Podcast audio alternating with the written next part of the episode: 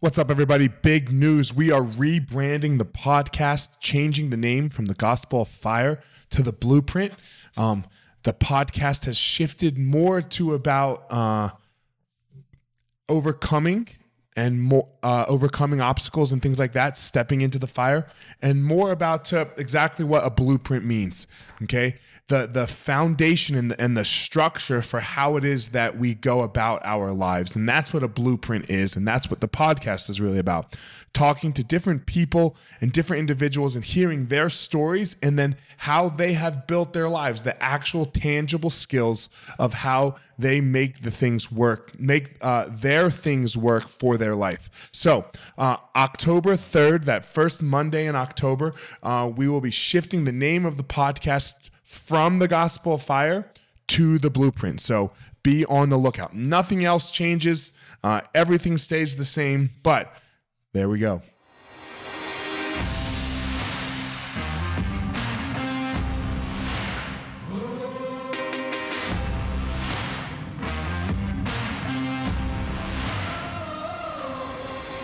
What's up, my ninjas? This is former UFC fighter Elliot Marshall, and this is the Gospel of Fire, where we are going to learn how to go into the fire so that we can find our power and live the best life possible.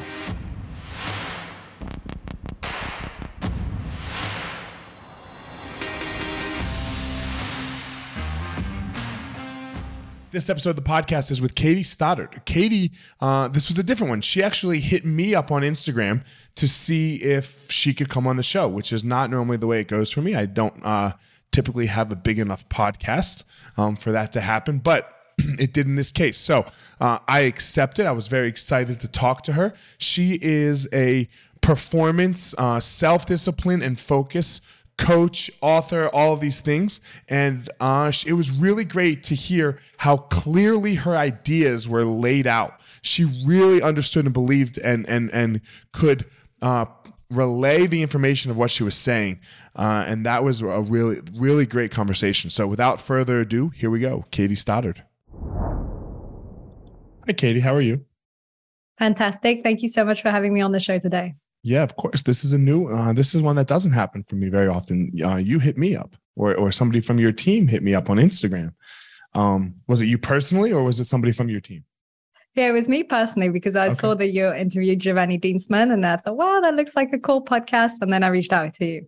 There we go. All right, so that's how this happened, and uh, yeah. Uh, so I always ask the question normally at the end of the podcast. So We're kind of I won't ask this question at the end of why in the world somebody would uh, come on my show because uh, you'll get like very little publicity from this. Um, it's not like a major podcast or or anything like that. Or you know, uh, are you an author? I think you're an author, right? You uh, no. Or a coach? I'm uh, looking for a literary agent, actually. So I'm okay. about to be author. You're not going to sign any. You're not going to. You might sell like a book because of this podcast. So, uh, what made you? So you heard my podcast with Giovanni, right? Um, what was interesting about you? What made you go, "Oh, I'd like to do that"?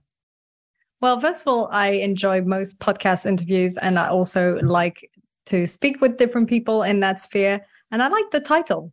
I was like. Gospel of Fire. It sounded dynamic. It sounded enthusiastic. Uh, I'm just about to change it too. I'm about really? to Really? What are you going to change yeah. it to? Well, maybe it's even better. Yeah, the blueprint. The blueprint. I don't know. I like fire. Okay. Uh, fire and blue are very different images, right? Blue is cold, fire is hot, but it's like a contrast. It's good too.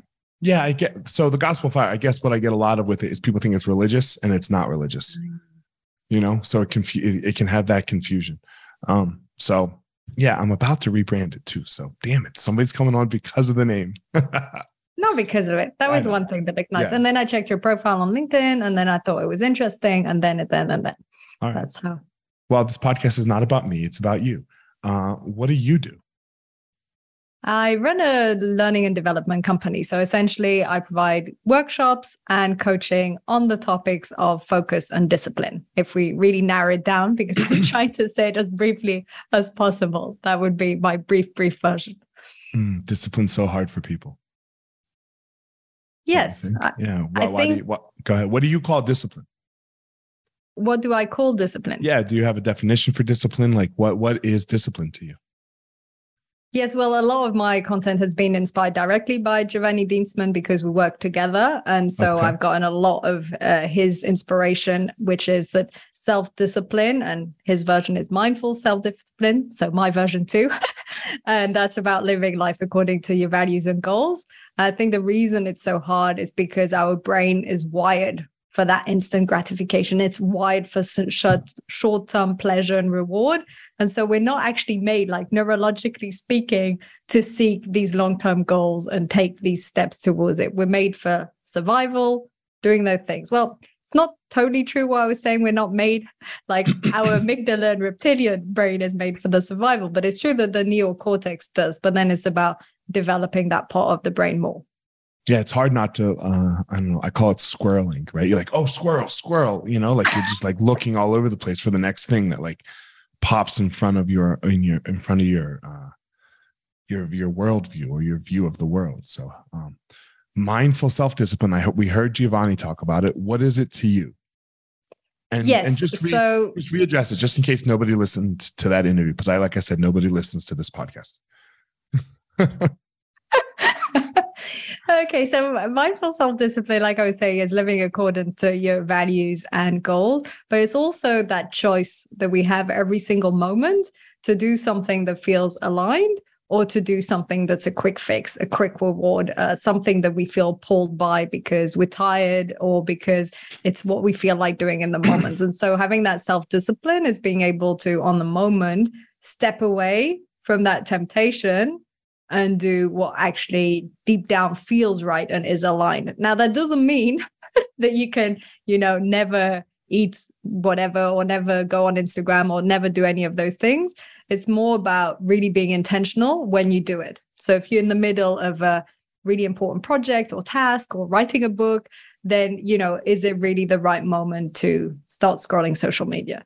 And so having that discipline in the moment to step back into your book, to stay into the book and not just get distracted and do something else, which is directly correlated to focus, which is why I love Giovanni's work so much and collaborated because all of my work until then was all around focus. So, yes. Makes sense. Um, you talked about values. How does somebody come up with their values? Because I think this is a very hard thing. Like, uh, everybody, you know, you're not in America, you're in Sweden.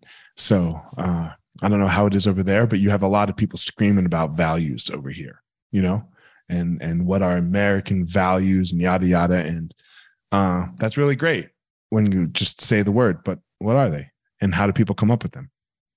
Yeah, that's such a good question. And I think this is a huge part of the work. So, of course, to be aligned with your values and your goals, you need to know what your values what and your are. goals are. exactly. So, there are different ways to, to find out what they are. First of all, is looking at things that trigger you. So, if, for example, when someone's dishonest or lies, you get really triggered more than other things, then maybe honesty is one of your core values. So, looking at the things that trigger you or the things that drive you. So, for example, you said that you have the, these two quotes behind you that drive all of your behavior.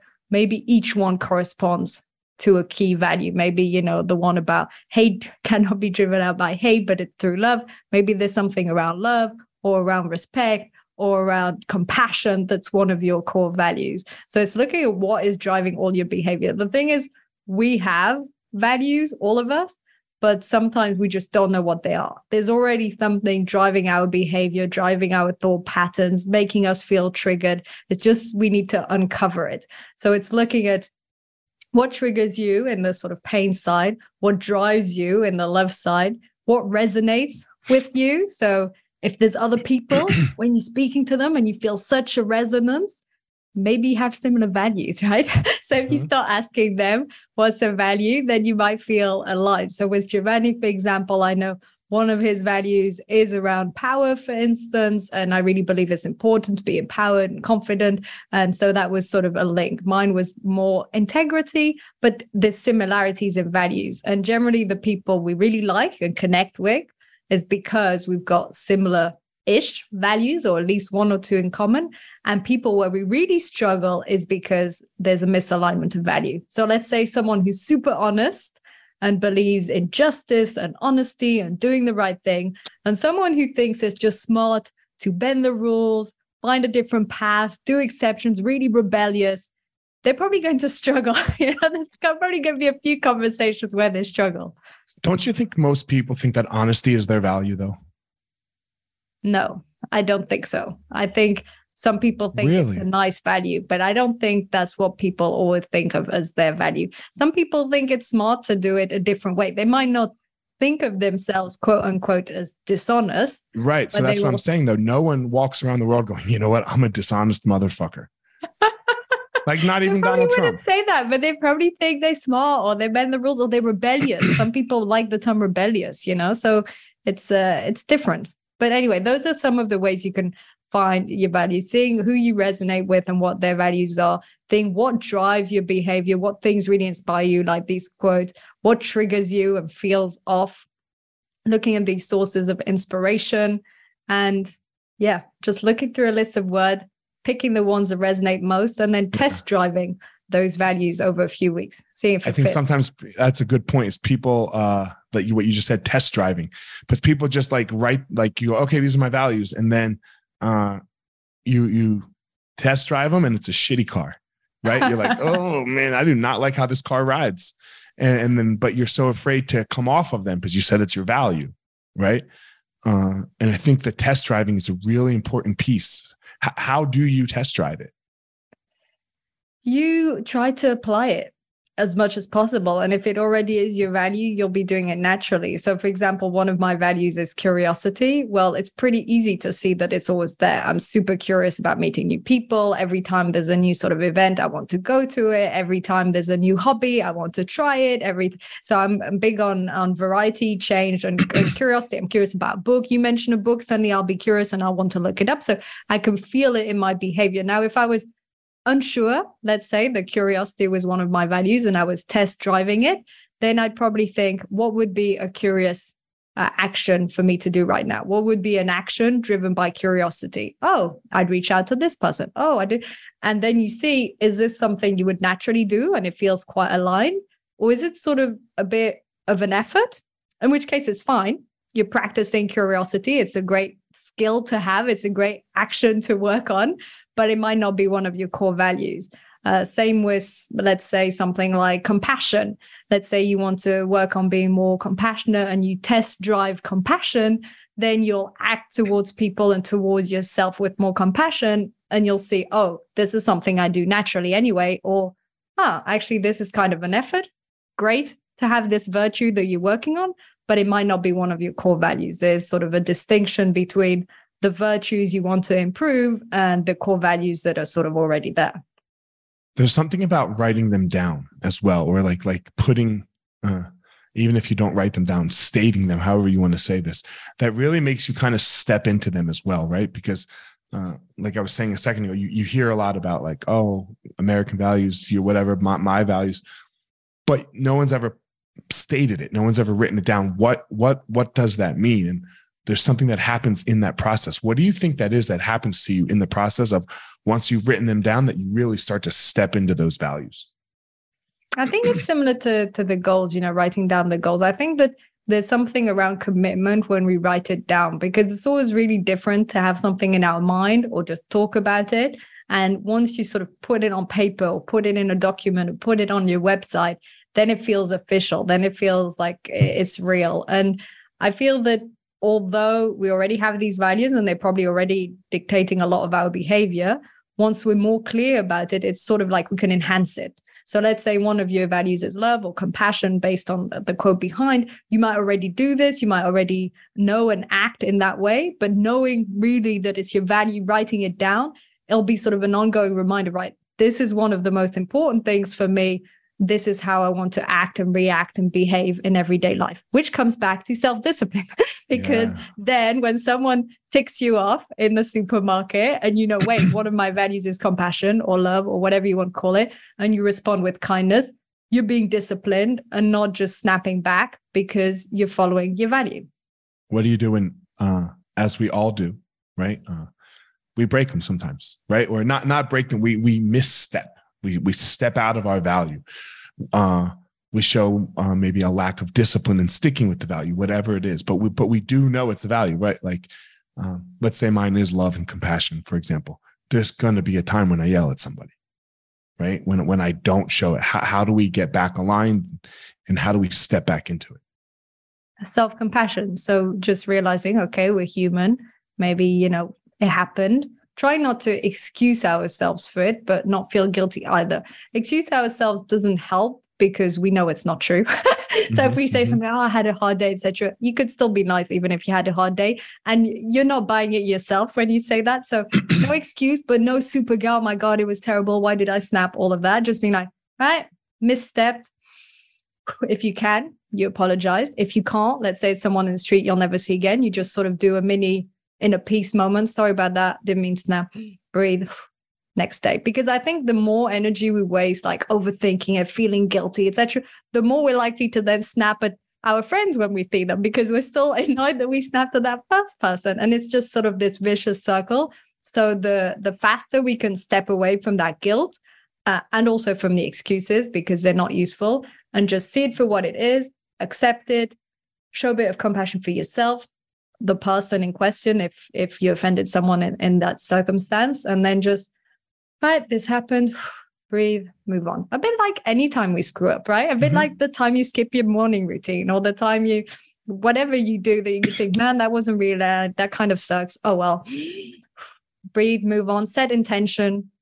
Yeah, compassion and set an intention for moving forward relate all of this to productivity because that's your thing, right? Productivity and leadership and all of that. So now take combine these values and discipline and focus and now go ahead take it how, how do you take people to now being more productive and really stepping into who they are and, and uh, getting things done nice well my main definition around productivity and high performance peak performance is that ability to manage your attention your energy and your time in the way that's most aligned so here's how they're directly correlated because we're saying that discipline is the ability to take action according to your values and your goals now, productivity, according to my definition, is the ability to use your time, energy, and attention according to your values and your goals. So, really, it's about living life in an aligned and intentional way.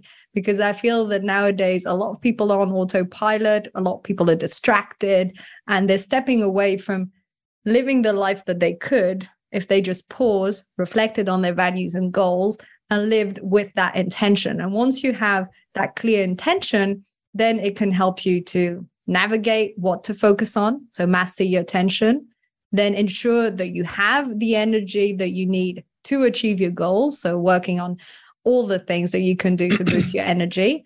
And then, obviously, there's a lot in time management yeah. and in productivity and mastering your time. But I feel it's so much easier once you have the clarity on your vision, your aspirations, and you break it down into goals then it's a lot easier to manage your time because suddenly at least you're clear where you're going. And then it's just a mat- matter of a few little tricks, you know, right? Yeah, time blocking, breaks, priorities, most important tasks, Pomodoro, Parkinson law, all that stuff. Read a couple right. of books, listen to a few podcasts, and you've got it. I think a lot of, I think the biggest part is people don't know where they're going. I think they have these goals that aren't aligned with their life, right? They're like, oh, I want this. Uh, I want to I want to be a billionaire and uh, I teach school. And there's no there's nothing wrong with being a billionaire and there's nothing wrong with teaching school. They just don't line up. right? Like like like what you're doing with where you say you want to go have nothing to do with each other. And again, nothing wrong with doing either one, but teaching school ain't going to get you to being a billionaire. So how do we get really really clear on what it is that we really, really want with our lives.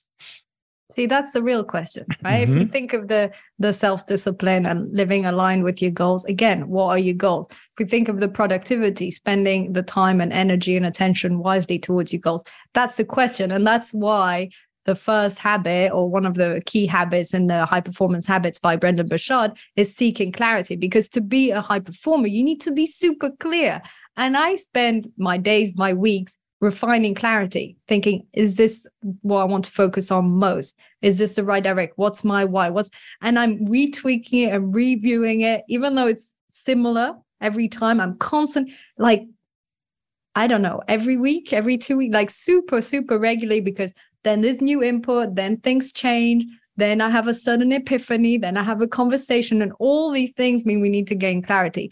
But to come back to your question, how do we find what goals to go in? So there's a few key ways. One of them, obviously, is working. Hold on, can I can I stop you for a second? I think before we have goals, we have to know what we want, right? Like, uh, what do you want your life to look like, right? Like, do you want to be a billionaire or do you want to affect change on young people? You know, because like with the teacher and billionaire thing, billionaire hedge funds affect change on young people, teach school. So, um, how do we get clear on what we want our life to look like or do you disagree with me? And if you disagree with me it's totally fine. I've plenty no i agree. i think first we need to know what we want and from there we base goals. Uh, okay. i guess when i was saying getting clear on goals i was i meant getting clear on what you want. Okay. And i feel so there's a few different ways. Obviously working with uh, a coach or some or a really good friend that asks deep questions can help mm-hmm. you sort of elucidate that. Similarly if you journal a lot some things will come out that aside, we can also look at when were the moments that felt the most aligned? When did we feel the happiest, most aligned? This is one of the tools I use most for my clarity. So I look at some days where I feel it was really aligned. You know, it just felt like such a good day and everything just felt right and balanced and good. And I analyze it. I think, what was my morning routine? How did I commute? Who did I talk to? What activities did I do? Uh, and I, I look at that typically there tends to be a lot of interaction and I'm highly extroverted. So that gives me energy. And similarly, I'll look at days where it just felt a bit off, like a bit not aligned, maybe even a bit boring, not challenging enough. Typically for me, those are days I haven't interacted enough. So my pattern's pretty similar, but that doesn't really indicate exactly the direction. In in my case, for instance, that just shows that I like talking to people more than doing tasks. That doesn't show you what you want, but it can help you to see what energizes you. Uh, another way to sort of see. I want to stop you right there for a second. I think this is the number one thing that people don't do is they don't analyze. They get results yes. and then they just randomly say, "Okay, it was it was that," and they don't analyze to to then recreate. We get so stuck in the, "Oh, it was good, result good, okay, yay." You know, oh, result bad, boo.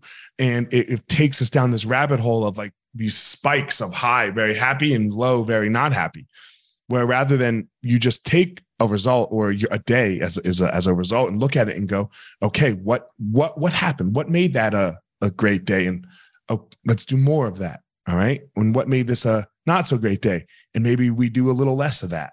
And and and we figure that out. We, but we're just letting these events and these days just like ricochet off us like a ball when you're throwing it against a wall, like it means nothing. Hmm, that's a really good point. I don't actually think about that that much because I analyze it all the time. And I think about these things all the time in terms of productivity, time management, energy management. I'll, I'll do the same with my energy. When my energy is high, I'll look what were the factors, uh, how I spend my time. Uh, yeah, so I guess I do this all the time, but it's true that that was a really good point that a lot of the time people don't actually stop and pause and think, hey, why was this a good week, good month, good day? Um, and what am I enjoying?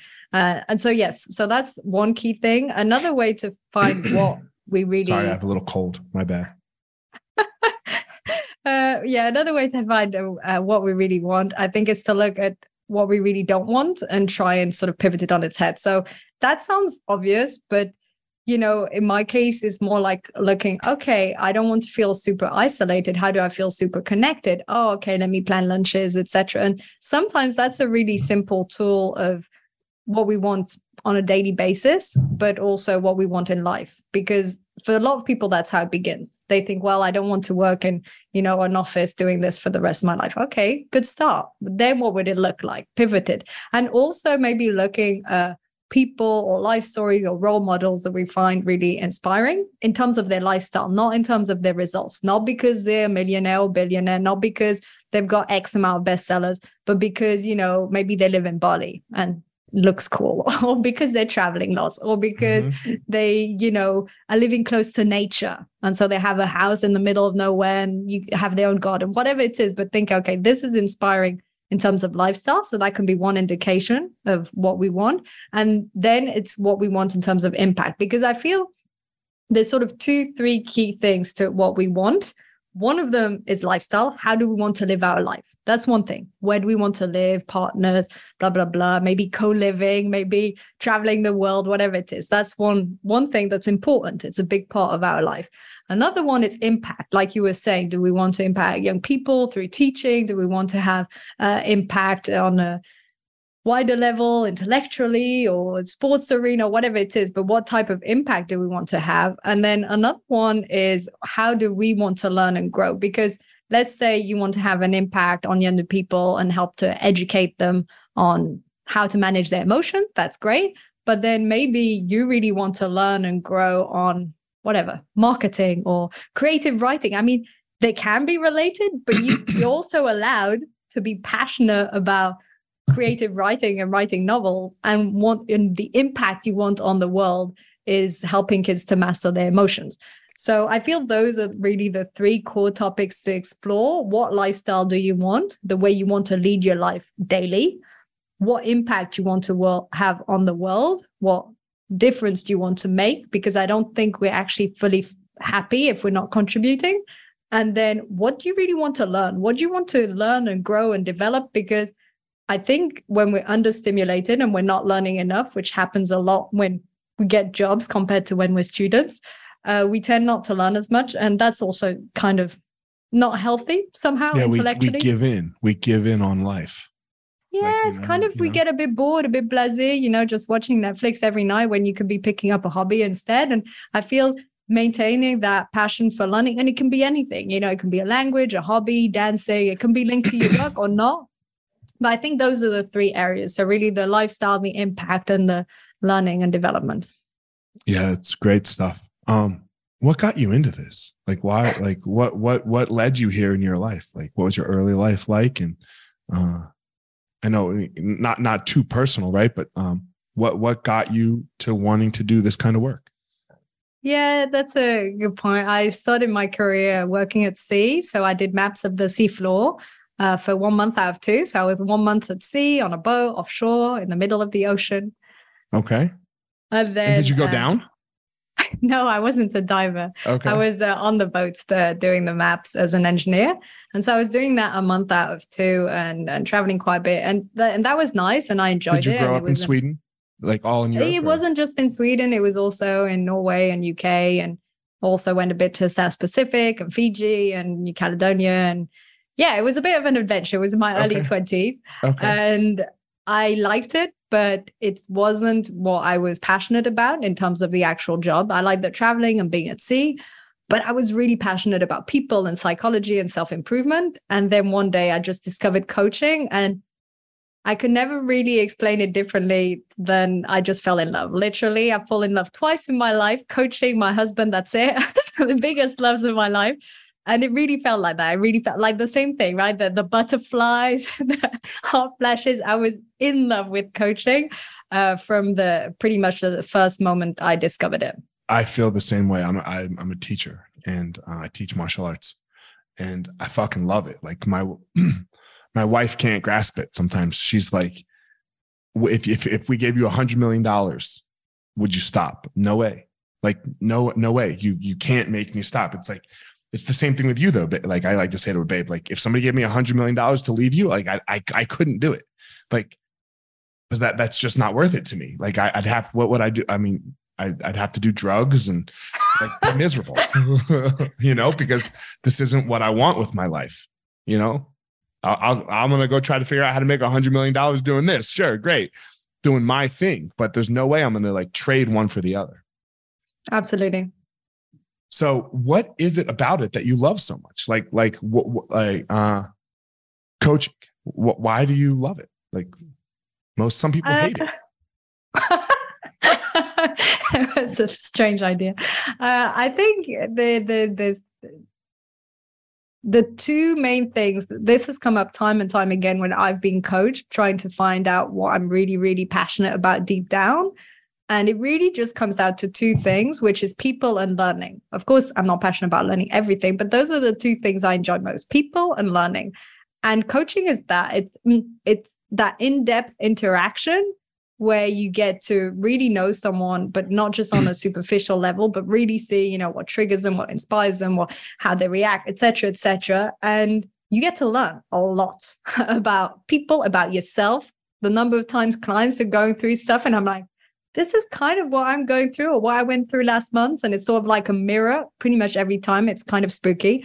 And um, yes, I just feel you learn so, so much about the human psyche and and then you see the transformation. It's like the the but- caterpillar going into the butterfly. It's it really is uh, quite extraordinary. And I think when I first discovered it, well, first of all, I was passionate about goals and I discovered all about setting goals effectively, blah, blah, blah. That was the beginning. But it's just one of those things like like an onion. There's always another layer, another layer, another layer, uh-huh, another uh-huh. book, another concept, another tool. And then it's like my mind. And I think this is what happens when you get really into any field, doesn't matter what field it is my mind starts to cross correlate concepts, right? It's like, oh, but if I take the Enneagram and I look how this impacts self discipline and I add focus and to see how the energy is done, but wait, what about the biological rhythms? And, and my mind just sort of takes it all together and then formulates it into a question for the client or sees the pattern they're going through and then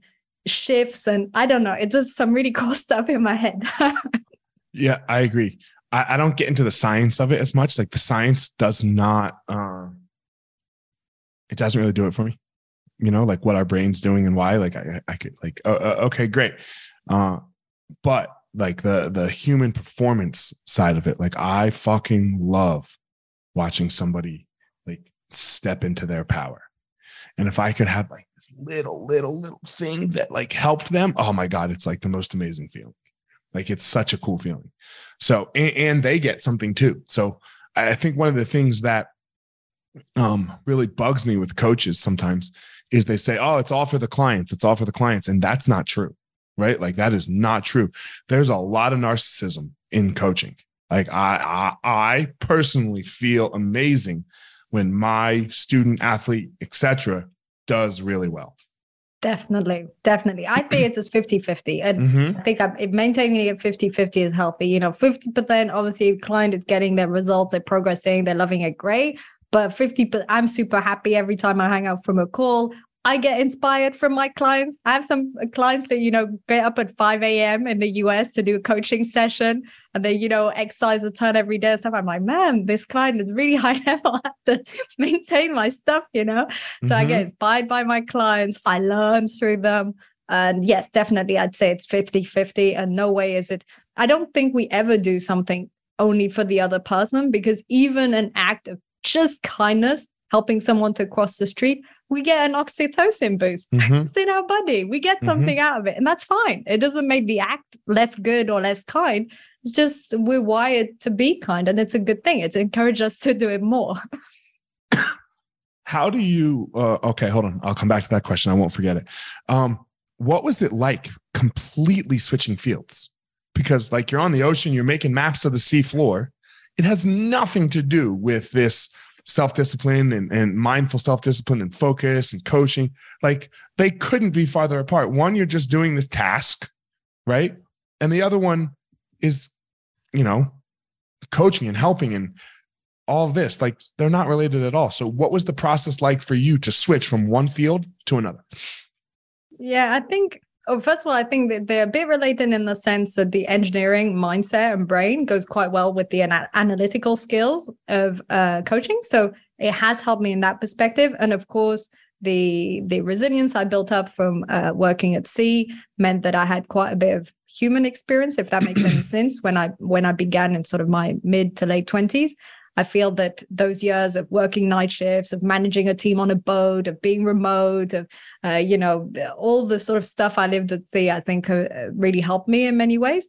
Um, but so that aside, what was it like? Um, I think it was very difficult from a identity perspective because I grew up in France, and in France, being an engineer is kind of like a you know a cool thing, like doctors and uh, mm-hmm. uh, lawyers or whatever in India, and I wasn't that attached to it particularly, but on the moment when I felt like leaving, I remember having all these fears of the people I knew and my engineering school and my teachers and all of this. Um, yeah, I felt really afraid of the judgment and the that people wouldn't understand it that you know coaching would be seen as flaky when i come from a scientific field. I was very lucky that both my husband and my parents fully supported me. So from a family perspective that was fine. But it's true that from friends and colleagues and that was really hard a lot harder than i thought it would be but once i'd done that it felt like why did i ever worry? Like the it's always people, like that right? It's yeah, always, it's always like, like that. that. Like people mm-hmm. were super supportive that most of them were envious that a i'd found something i was so passionate about and b that i had the guts to do it.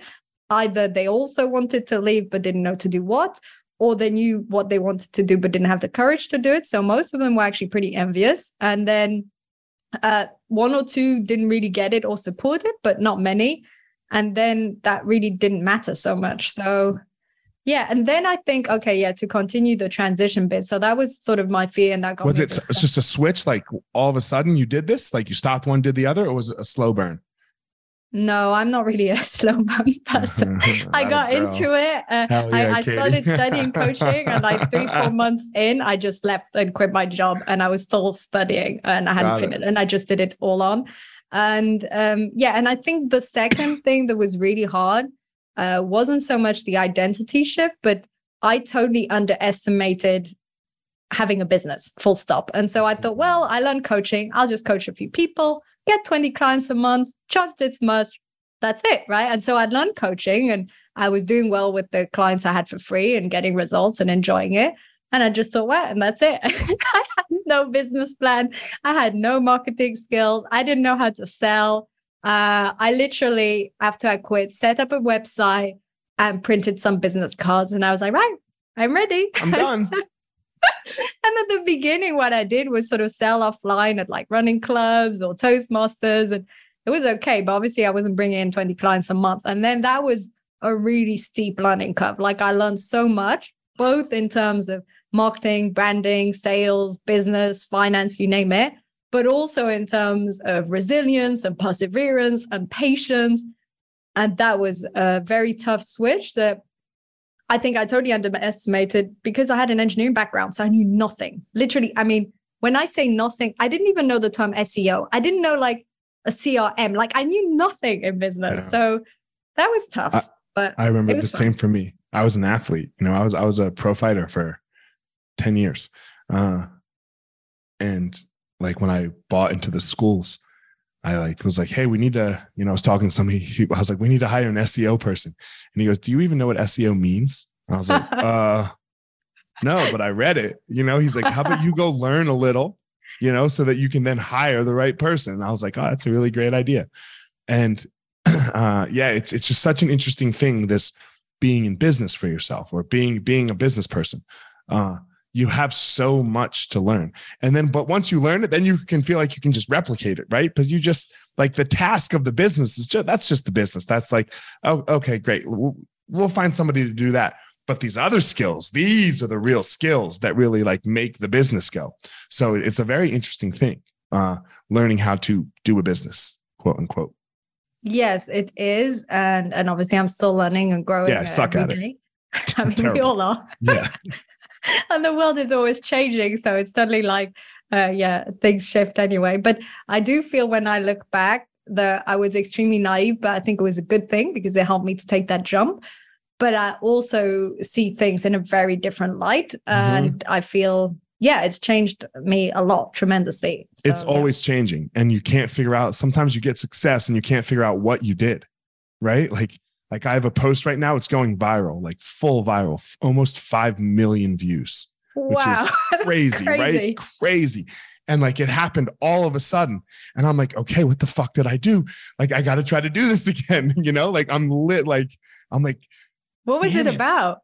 Uh, it was about a fight. You know, it was a guy getting knocked out at, at uh, the pound for pound king, uh, who, you know, pound for pound means? Pound for pound means if you, it's, it's, uh, it's a term that we use like, okay, all of the champions in the world, but it's weight classed. If you were to like take the weight away, who's the best? Who has the best skills, right? And we'll never know this. It's only like an idea in our head, right? Because they'll never actually fight. So there's, there's this one guy named Kamaru Usman who has never lost in the UFC. And he was smashing this guy in another title fight. And then in the last minute, this guy throws a head kick, boom, knocks him out cold. you know, out cold. Uh, and it's it's the image of the knockout, right? The video of the knockout, and behind it, I have I took Yoda's voice, and uh, uh, do or do not, there is no try, right? And there's a little music to it, and it went fucking like like literally, I'm up like thousands of followers, uh, and it's a hundred like I'm almost to five million views, and I'm like, god damn! And then I'm like trying to recreate it to see if I can do it again. I think I just got what happened was somebody famous, really famous, probably shared it and then it went nuts. Right. So, uh, but yeah, it's like this, this replication, like you have success and you're like, okay, do that again. But in business, sometimes you just had success. You don't even know how you did it. Like I hate this kind of success because I don't know how to do it. like, don't, okay. I shouldn't say I hate it. It's fun. It's fun to watch the out, like, because you always hear about the algorithm, right? But has the algorithm ever worked in your favor? the first time it's worked in mine. So you're, you know, I'm like, what the fuck? Fuck you, the algorithm. And now I'm like, oh my god, the the internet is really crazy. But how to catch it again is is is a question.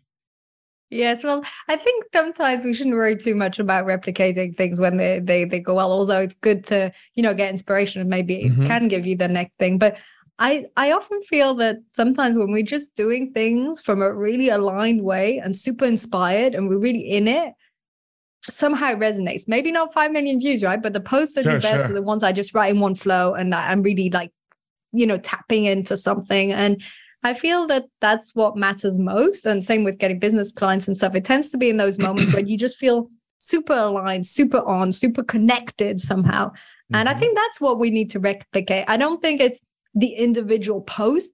We need to replicate that feeling of feeling super connected, super aligned, super inspired, super on and the when we're off, don't do it. You know, when you're not feeling it, don't write a post. Don't do that call. Just or, or if you have to do the call and it's planned, then find a way to re sort of connect yourself in a good way somehow.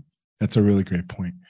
Um, my other question that I told you I was going to wait on for a second was a lot of times with this coaching thing, right? Like life coaching. I hate that term, life coaching, just because uh, I don't have my life really figured out. I guess like like it works. yeah, me. I never call it life coaching. Yeah, I always not, have a yeah. leadership coach, but I could right. say focus coach, discipline coach, sure. whatever coach. But it does get lumped into this lifestyle, you know. Um, excuse me. How do you not come off like you have all the answers? And I think because I think sometimes this is where it gets a bad rap, right? It's like, oh, how are you going to tell someone what to do, right? Like things like that. So how how do you how do you make sure that it's not like this is the answer when you're helping, talking, expressing your point, making a post, right? To try to market in a way. But but you but when you do it, you still have to convince them that you do have some answers, right? You got to have some answers for people's questions, but not be arrogant and conceited about it. Yeah, it's a tough one, and I think it's also yeah. the the sort of uh, the balance between coaching and mentoring. Um, I generally enjoy coaching more, which is where I help people find their own answer. Uh, this makes more sense when it's something like they're hesitating between two decisions or they're unsure about the next step. Then it makes sense to question them, what feels right, la la la la la. That bit I enjoy more. But it's true that when it comes to focus and discipline, because obviously I've studied it a lot and I've read a lot about it and I've written a lot about it, then they might be like, okay, how do I overcome procrastination? How do I do this? Blah, blah, blah. Then I try and do a mix. So I might say, look, you know, this is a common tool you can use. This is something that could be useful. I know what's worked for me is X. I know what worked for this client is Z. But then I also might do a mix of, you know, in the past, when you felt like procrastinating and you suddenly took action, what did you do differently then? Or how did you used to manage distraction? Or on that day you were super focused. What was your strategy? Well, I actually, you know, use this tool. Or or I remember I went for a few walks. Great you know you have the answer. So i i generally try and do a mix because obviously in the fields where i've written and researched and, and looked it up a lot then it makes sense to give some input. But i also don't want to be exactly just that conceited arrogant person just because i know a bit this stuff doesn't mean it'll work for them. So it's more like hey how do you feel about this this and this? And sometimes it's a mix so I'll give an idea strategy and they say, oh, I could do this and this, or I could do this with this twist. And then it's sort of a mix of their sort of what I said inspired them a bit, and then they completed the solution. It's a great answer because a lot of times uh, when you or I or anybody tells someone to do something, uh, it's like forcing the water down their throat, right? And nobody enjoys that water. But when it's this thing where it's like, oh, okay, like you kind of like hid the water there. And then they come upon it when they're thirsty. They're like, oh shit, look what, you know, and they feel very empowered. So it's a hard thing, you know, it's a hard thing. There's a lot of failure to it. I know for me, there's been a lot of failure to it. Um, you know, just I'm a, yeah, like you mess it up sometimes and, and, and then you just got to go back and do it again. So, uh, last question here as, as we close up. Normally I ask the why did you come on the podcasting, but we did that on the front end because you asked me. Um, I believe everyone has a unique and special power, right? Something that makes them amazing. Uh, and they go and then give that to the world, and then the world then returns to them, you know? Well, you know, LeBron James' case, for example, fame and money, you know, and then something, then he gets to keep giving his power to the world in basketball and yada yada, right? What what is your power? What's your superpower? I think it's enthusiasm. okay. Explain. Uh, I I I feel super enthusiastically about things and super passionately about things and about all these topics and living with intention and you know mastering yourself and self-discipline and all these things and I feel that it's probably a combination of sort of genuine joy and enthusiasm for the this topic that I want to sort of share and give to the world combined with a sort of uh, inner clarity so I feel and hopefully that was the case in today's podcast that I can express these ideas quite clearly and they're quite clear in my mind. So then I feel that this combination of sort of enthusiasm and joy and energy with that sort of inner clarity makes it easy to sort of deliver messages, which is why I love podcast interviews, speaking interviews, um, but also coaching because there's an inner clarity to questions and kind of a energy and a presence also to get people uplifted and motivated. So I feel those are my um, yeah superpowers i think i think it's a very hard thing to be clear right you know in, in your ideas because we, ideas ideas can be muddled and muddy and and, and difficult. And uh, everyone thinks they have good ones. And and maybe we all do. I think the real difference is like somebody like neil degrasse tyson for example. We know astrophysics and, and all that stuff is really really difficult but he explains it to us in a way we're like yo i got that you know so i think i think you did a great job with it. I asked very specific difficult questions. I, I felt like like values discipline all these things and you were just like boop boop boop. Like and it wasn't like like you you did it great. So yeah i really enjoyed uh your answers. So uh thank you thank so you. much for coming on. Tell everyone if they're interested where they can find you your social media and all that stuff. Yeah, thank you so much, Elia. Really enjoyed being on the show today. So you can find me at thefocusbee.com. That's my website, or at Katie Stoddart at LinkedIn. And for anyone who is listening to the podcast, I know you have very few listeners, but if ever you are, I'd be happy to give you a sort of free focus audit to see where you're at in terms of focus, what you can improve with that inner clarity in like a 30 minute call. So feel free to write to me on LinkedIn. Just put the name of the podcast. Might be the blueprint by then or the gospel of fire. Yeah, we'll, we'll figure it out which one it is. and then I'd be happy to give you a 30 minute call. But yes, I enjoyed uh, the um, questions so much. I really enjoyed the conversation. So thank you so much for having me.